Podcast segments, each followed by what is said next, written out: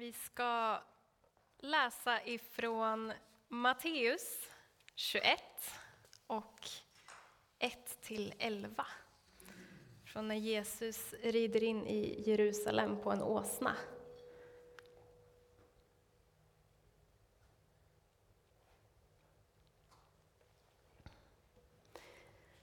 När de närmade sig Jerusalem och kom till Betfage vid Olivberget skickade han iväg två lärjungar och sa till dem Gå till byn som ligger framför er. Där kommer ni genast att hitta ett åsnesto stå bundet med ett föl bredvid sig. Ta dem och led dem hit. Och om någon frågar vad ni håller på med, så säg bara Herren behöver dem och kommer snart att lämna tillbaka dem. Genom detta gick det i uppfyllelse som förutsagts genom profeten. Säg till dotter Sion, se din kung kommer till dig, ödmjuk och ridande på en åsna, ja, på ett åsneföl. De båda lärjungarna gjorde som Jesus hade befallt dem och tog med åsnan och fölet till honom. Sen lade de sina mantlar på åsnorna och Jesus satt upp. Många i folkmassan bredde ut sina mantlar på vägen och andra skar kvistar från träden och strödde ut på vägen. Och allt folket, både de som gick framför Jesus och de som gick efter, ropade Hosianna, Davids son. Välsignad är han som kommer i Herrens namn. Hosianna i höjden. Det blev stor uppståndelse i hela Jerusalem när han red in och människorna frågade, vem är han? Folkmassan svarade då, det är profeten Jesus från Nasaret i Galileen. Jesus, jag tackar dig för den här söndagen, Herre. Jag tackar dig för att vi får komma tillsammans som en kyrka och få ta en stund och fokusera på vem du är, Herre. Jag ber att du verkligen ska lysa på ditt ord idag och att vi ska få bli ännu mer förälskade i den du är, Herre. Jag tackar dig för att du välsignar varenda person som har kommit hit idag. För att du har skapat dem med ett syfte, och för att du älskar dem, Herre. Vi lägger den här stunden i dina händer. Amen. Varsågod och sitt. Jag heter som sagt Ebba och eh, bor i Västerås i vanliga fall. Vem var det som, ja det var du. Jag bara, har vi någon mer västeråsare här? Eh, finns vanligtvis i en kyrka som heter Life Center, en pingstkyrka i Västerås, tillsammans med min man Tim och våra två tjejer, Savanna som är sex och Melody som är tre. Och eh, jag är jätteglad att få vara här idag. Tack så jättemycket Emanuel. Vi har i skolan, i vår klass, det kanske inte han vet, men vi har ett litet talesätt som lyder när Emanuel tar fram whiteboardpennan, då vet man att man är in for a treat. Så, för att då vet man att så här, nu kommer det komma någon undersökning som vi aldrig hade hört talas om, eller någon eh, filosofisk modell som kommer få oss att se saker från ett annat perspektiv. Så det finns mycket visdom här. Hoppas ni tar tillvara på det. Idag så ska vi prata om att allt inte är som det ser ut. Och vill ni, om ni vill anteckna och vill ha en titel på den här predikan, så skriv Allt är inte som det ser ut.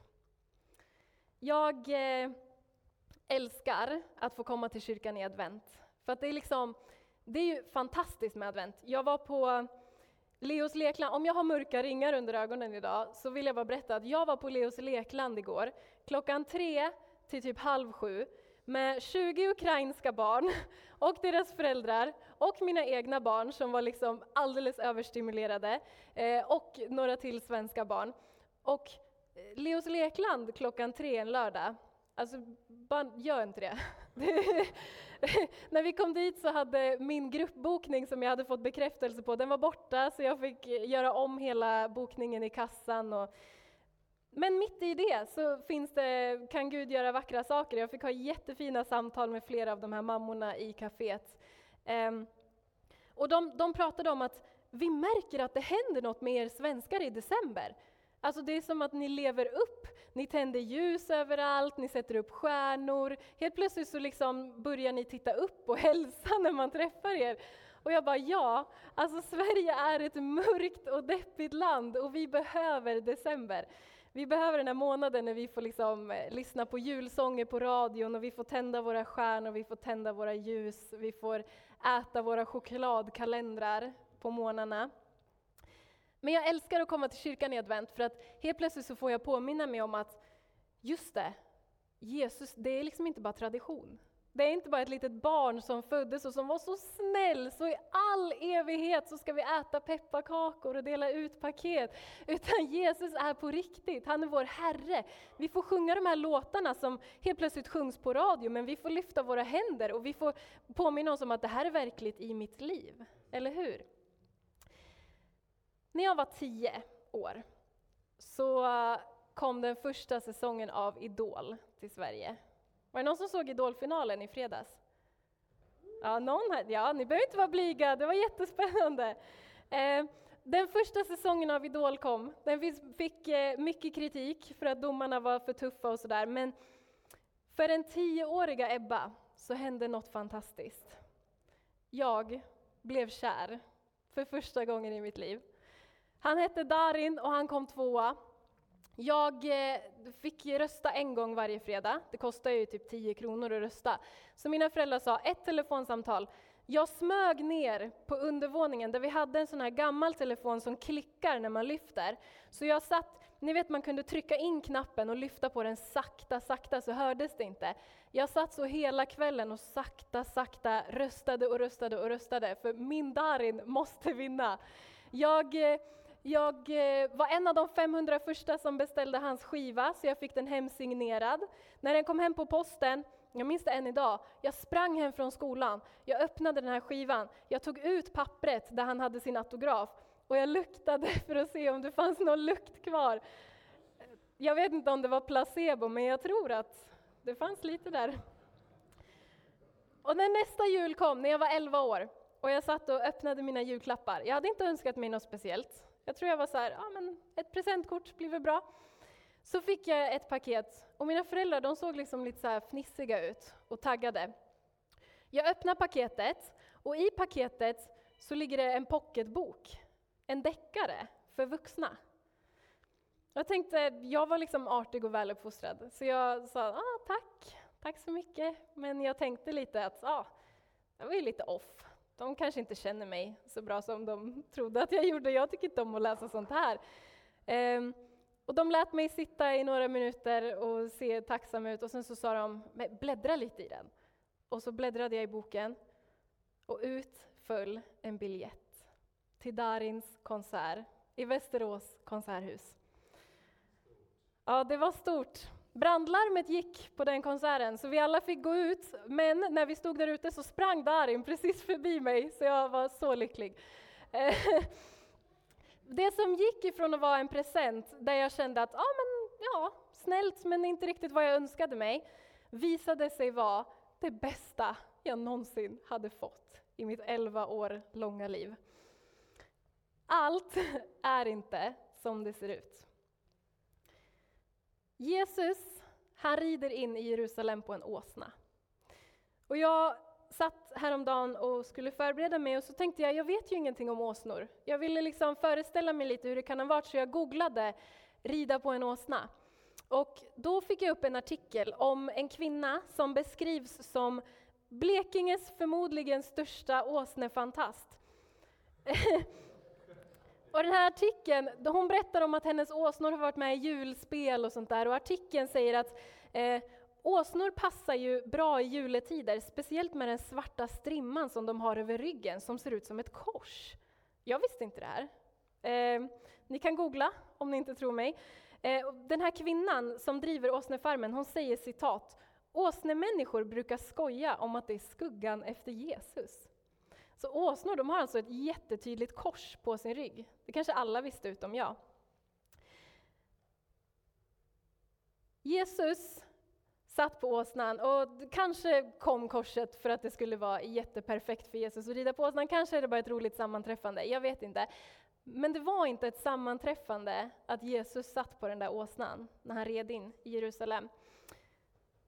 När Jesus gör det så uppfyller han profetian som vi redan har läst idag från Sakarja 9, vers 9. Där det står om Messias, ropa ut din glädje, dotter Sion, jubla högt, dotter Jerusalem. Se din kung kommer till dig, han är rättfärdig och segerrik, han kommer i ödmjukhet, ridande på en åsna, ja, på ett åsneföl. När kungar skulle krönas så var det vanligt att man red in från ett berg för att liksom skilja sig själv lite från folket. Och precis som Salomo, när han skulle bli kung, så red han in på Davids mula, som är nästan en åsna. Den har en åsnepappa, tror jag, och en hästmamma. Så rider Jesus in på ett åsneföl. Jesus låter folket hylla honom som kung. Han låter helt plötsligt folket säga att han är Messias. Han låter dem erkänna vem han är när de sjunger om honom som Hosianna, Davids son, som vi också har sjungit idag. Han är kungen som de har längtat efter. Men när en häst var förknippad med makt och majestät så var åsnan förknippad med fred och ödmjukhet. I Västerås Ehm, där jag och Tim är uppvuxna så har vi någonting som kallas för Power Meet. Är det någon som har varit på Power Meet någon gång? Ja, det var en snabb där. Det, du får vara stolt. Det, Power Meet är alltså Europas största raggarbilsträff. Den anordnas en helg varje juli i Västerås. Och eh, ja, det kan bli lite stökigt, kan vi ju minst sagt säga. Eh, hela stan invaderas av raggare. Och ridande poliser är ju en grej som man eh, kan se där in på småtimmarna.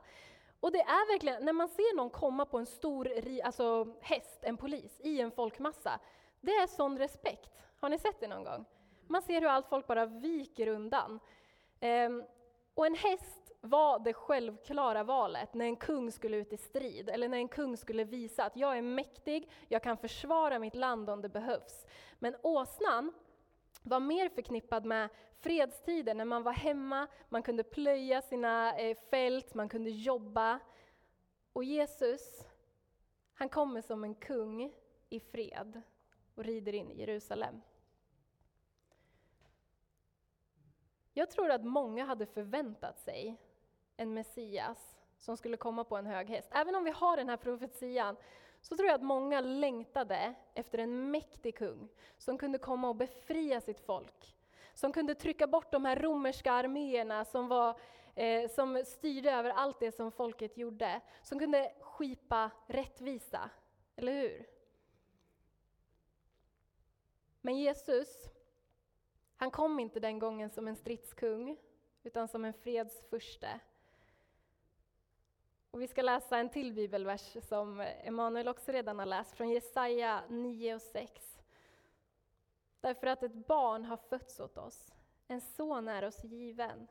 Väldet har lagts på hans axlar och han ska kallas underbar rådgivare, mäktig Gud, evig fader och frids furste.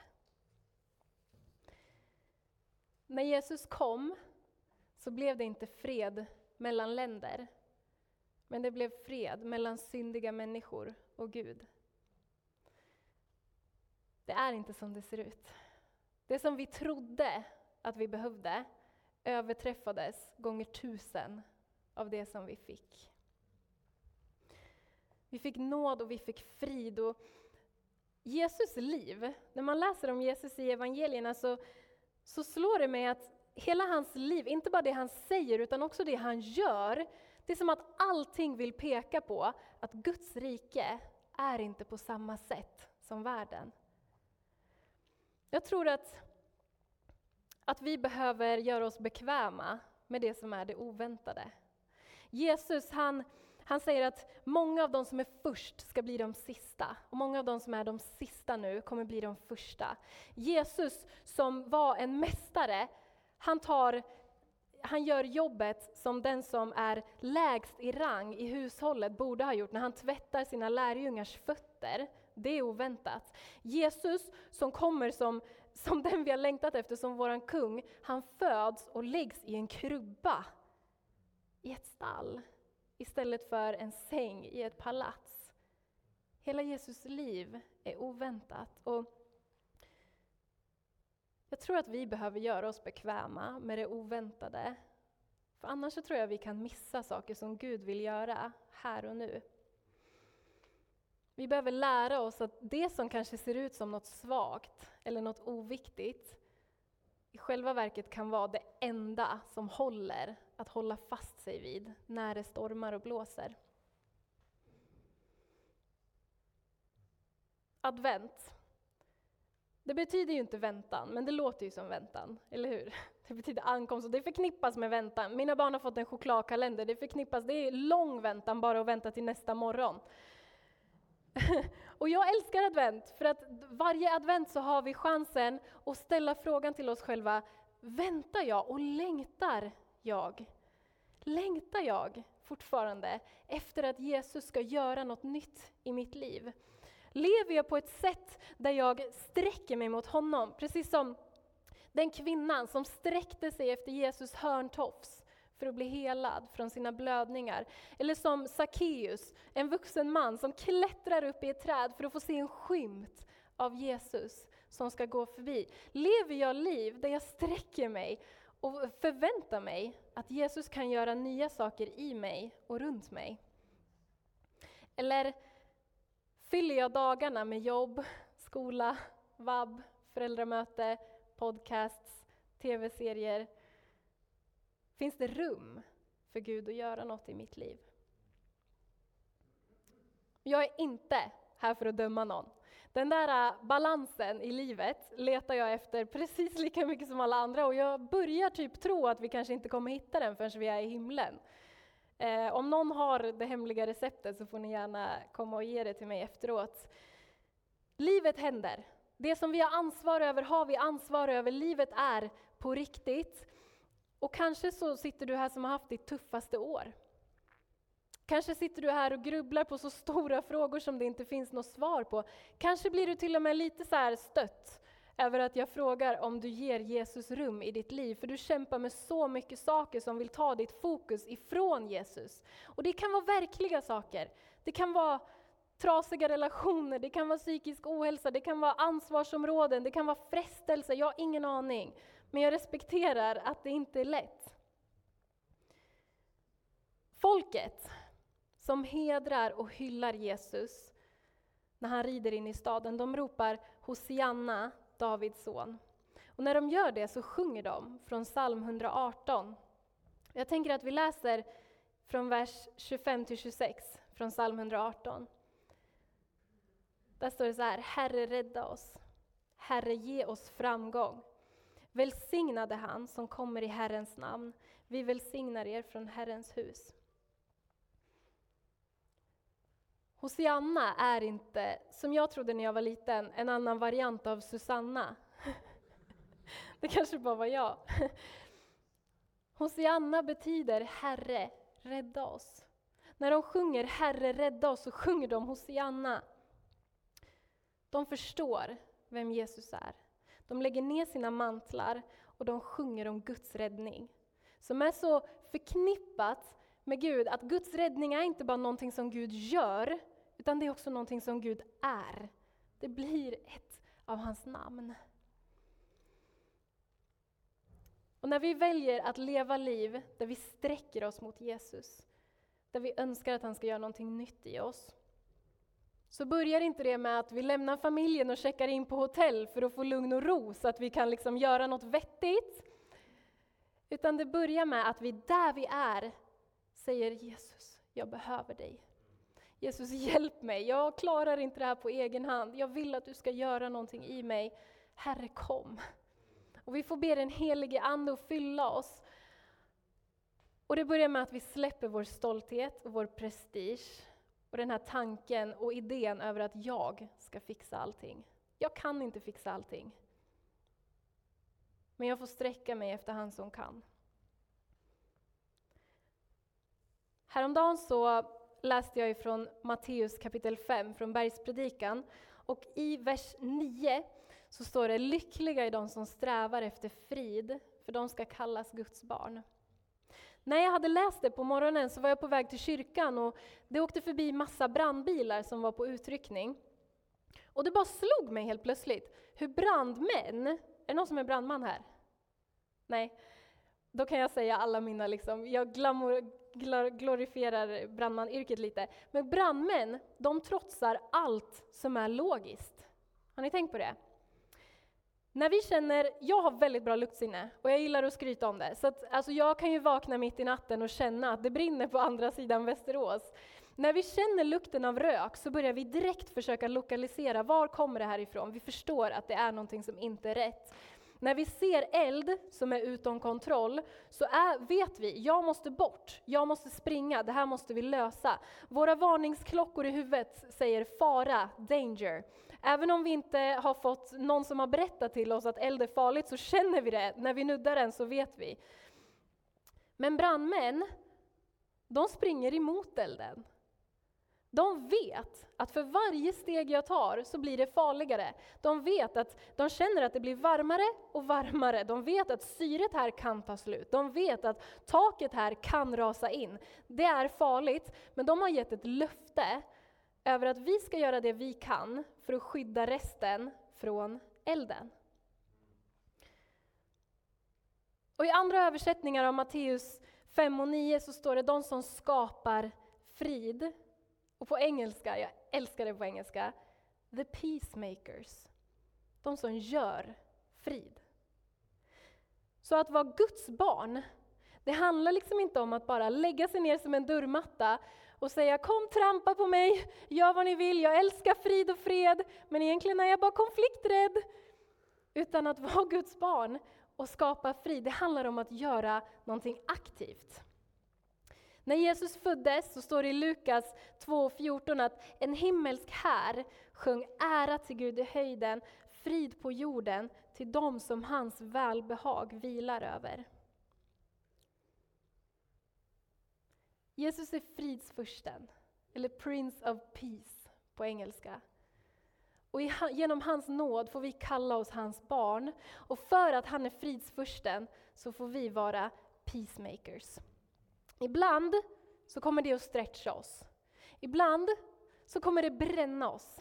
Ibland så kommer det svida i våra ögon när vi kommer nära elden. Men då ska inte vi luras och tro att okej, okay, jag borde lägga ner. Jag ska sluta be för det som verkar omöjligt. Jag ska sluta älska den där personen som nästan är omöjlig att älska. Eller jag ska eh, sluta tala sanning in i det som faktiskt är lögn. Elden kan se farlig ut, men allt är inte som det ser ut. Vi är inte hjälplösa offer, utan vi är brandmän som går mot elden utrustade med Jesus, som är det levande vattnet som kan släcka lågorna. Jag tror att vår värld törstar efter det vattnet. Vår värld just nu präglas av så mycket oro och så mycket mörker. Jag har hört många i min ålder som säger att jag tittar inte på nyheter längre, för jag orkar inte ta in. Det känns så hopplöst. Vad kan jag som ensam person göra åt alla problem som jag får höra om på nyheterna? Det är bättre att bara stänga av och inte ta in. Vet ni vad diamanter består av? Tim vet, för han har gått natur. Diamanter består av kol. Jag ska läsa till nu, för jag har då inte gått natur. Diamanter bildas cirka 150-200 kilometer ner från jordytan. Diamanter består av kol som pressas samman under högt tryck genom en metasomatisk process i bergarterna eklogit eller period, peridotit. Diamanter kan ligga långt ner under ytan i flera miljarder år innan de senare förs upp mot jordytan genom vulkaniska magmor. Mörkret och trycket som vi upplever i vår värld lurar oss att tro att det inte finns något hopp. Men en liten kolbit 20 mil ner i marken, utsatt för enormt tryck, enorm hetta och mörker, blir till något av det värdefullaste vi har. Diamanter har orsakat krig och orsakar fortfarande krig för att det är så många som vill ha dem, för att de är så värdefulla. Men diamanten är inte bara vacker och värdefull. Diamant är också det hårdaste naturmaterialet vi har. Och diamant som används inom industri kan lätt skära igenom betong. Det spelar ingen roll hur förlorat någonting ser ut. Jag tror att Gud både vill och kan göra något vackert och något starkt mitt i trycket, mitt i mörkret. Och det som vi får göra som Guds barn, det är att vi får ta på oss Guds rikes glasögon. Det som ser ut att vara något i världens ögon får vi förstå att det kommer aldrig kunna göra mig lycklig. Det kommer aldrig kunna fylla mina innersta behov. Och vi får tvärtom se att det som kanske ser svagt ut, det som kanske ser förlorat ut, det som kanske ser galet att hålla fast vid, det är det enda som vi behöver. Den sten som inte dög åt byggnadsarbetarna har blivit till våran hörnsten. När runt 120 lärjungar var samlade på övervåningen och bad och längtade efter hjälparen som Jesus hade lovat skulle komma. Jag vet inte, men kanske gick människor förbi på gatan utanför och tänkte att det där är förlorare. De håller fast vid något som är över. Den här Jesus-grejen, den är över nu. De borde släppa det och gå vidare. Jag vet inte, kanske var det så. När Stefanos blev den första att bli dödad för sin tro på Jesus, så står det att han fick se Guds härlighet. Och det sista han gjorde medan han stenades var att han förlät de som kastade stenarna. Om livet som kristen skulle handla om att vinna i människors ögon, då skulle Stefanos vara en förlorare. Vad var det för hjälp som lärjungarna längtade efter? Den helige Ande, eller hur? Den helige Ande, samma ande som bodde i Stefanos. Samma ande som bor i oss. Samma ande som hjälper oss att få kraft när vi är pressade. Samma ande som hjälper oss att se det som är sant. När Jesus red in i Jerusalem på den där åsnan så lade man ner sina mantlar framför honom för att visa att du är kung. Jag ödmjukar mig inför dig. Man ropar Hosianna, Herre rädda oss. Man erkänner, vi behöver dig. Men många skulle bara några dagar senare ropa korsfäst honom och låt Barabbas gå. Kanske för att de insåg att Jesus inte tänkte vara kung på det sättet som de hade tänkt att han skulle vara. Men de som fortsatte att hålla fast vid Jesus, de som envist fortsatte att välja att tro, de som stannade kvar, de som längtade, de som bad om hjälparens kraft, bland dem gjorde Gud något så vackert och så starkt att inget mörker och ingen omständighet kan ta det ifrån dem. Precis som vi ibland får ett paket som ser ut att inte vara något, som kanske inte riktigt verkar vara det som vi trodde vi behövde, men som visar sig innehålla något som vi knappt hade vågat önska oss. Så kom Jesus till oss, och det är det viktigaste som någonsin har hänt mänskligheten. Jesus gav oss frid mellan oss och Gud. Jesus är vattnet som kan släcka eldar som ingen människa kan släcka. Jesus är ljus som lyser så att vi kan se en väg där det ser mörkt ut. Vi kan få ett annat perspektiv på verkligheten. När det är som mörkast så kan vi, om vi låter Anden leda oss, se det ljuset bättre än någonsin. För ljuset lyser i mörkret och mörkret har inte övervunnit det, eller hur? Och du kan få, om du aldrig har sagt ja till Jesus så kan du få säga ja till honom idag. Du kan få lära känna honom som är frid. Inte bara ger frid, han som är frid. Han som aldrig lämnar dig. Du kan få stämma in i bönerna här sen. Och han kommer vara med dig i livets berg och dalbana. Han kommer tvätta dig ren från alla synder. Och vi som känner honom, men som påverkas av all oro som vi har runt oss, för det gör vi alla. Vi kan igen få säga, helig Ande kom. Kom och lys på den här världen. Kom och hjälp mig se vad som är sant. Kom och visa mig hur jag kan vara salt och ljus i det som jag står i. Kom och ge mig ord när jag står med mina kollegor och, och vi bara pratar om det som är negativt. Hjälp mig, hur ska jag kunna vara liv och ljus in i den kontexten? Och han kommer att fylla dig, för han har lovat att aldrig lämna dig. Vi ska be tillsammans och så ska vi snart fira nattvard. Tack Jesus för att du kom och gav oss hopp, Herre. Tack för att vi får vända om från synd och mörker till dig som är ljus. Jag ber dig hjälpa oss att leva liv där, vi, där du får rum att göra det som är oväntat i oss, Herre. Låt den som har, som har bett om någonting väldigt länge, låt den få ny kraft, Herre. Låt oss få se nya saker hända. Saker som vi kanske hade gett upp på, men som du fortfarande vill göra, Herre. Jag ber dig, fyll oss med ny tro, Herre, ny glädje, nytt liv. Tack Jesus. Hjälp oss att vara modiga och inte vara tysta när vi möter det som är ofrid och när vi möter det som är lögn, Herre. Hjälp oss att vara peacemakers. Hjälp oss att vara de som kommer med det levande vattnet, Herre, som den här världen verkligen behöver. Tack för allt det du är, Jesus. Amen.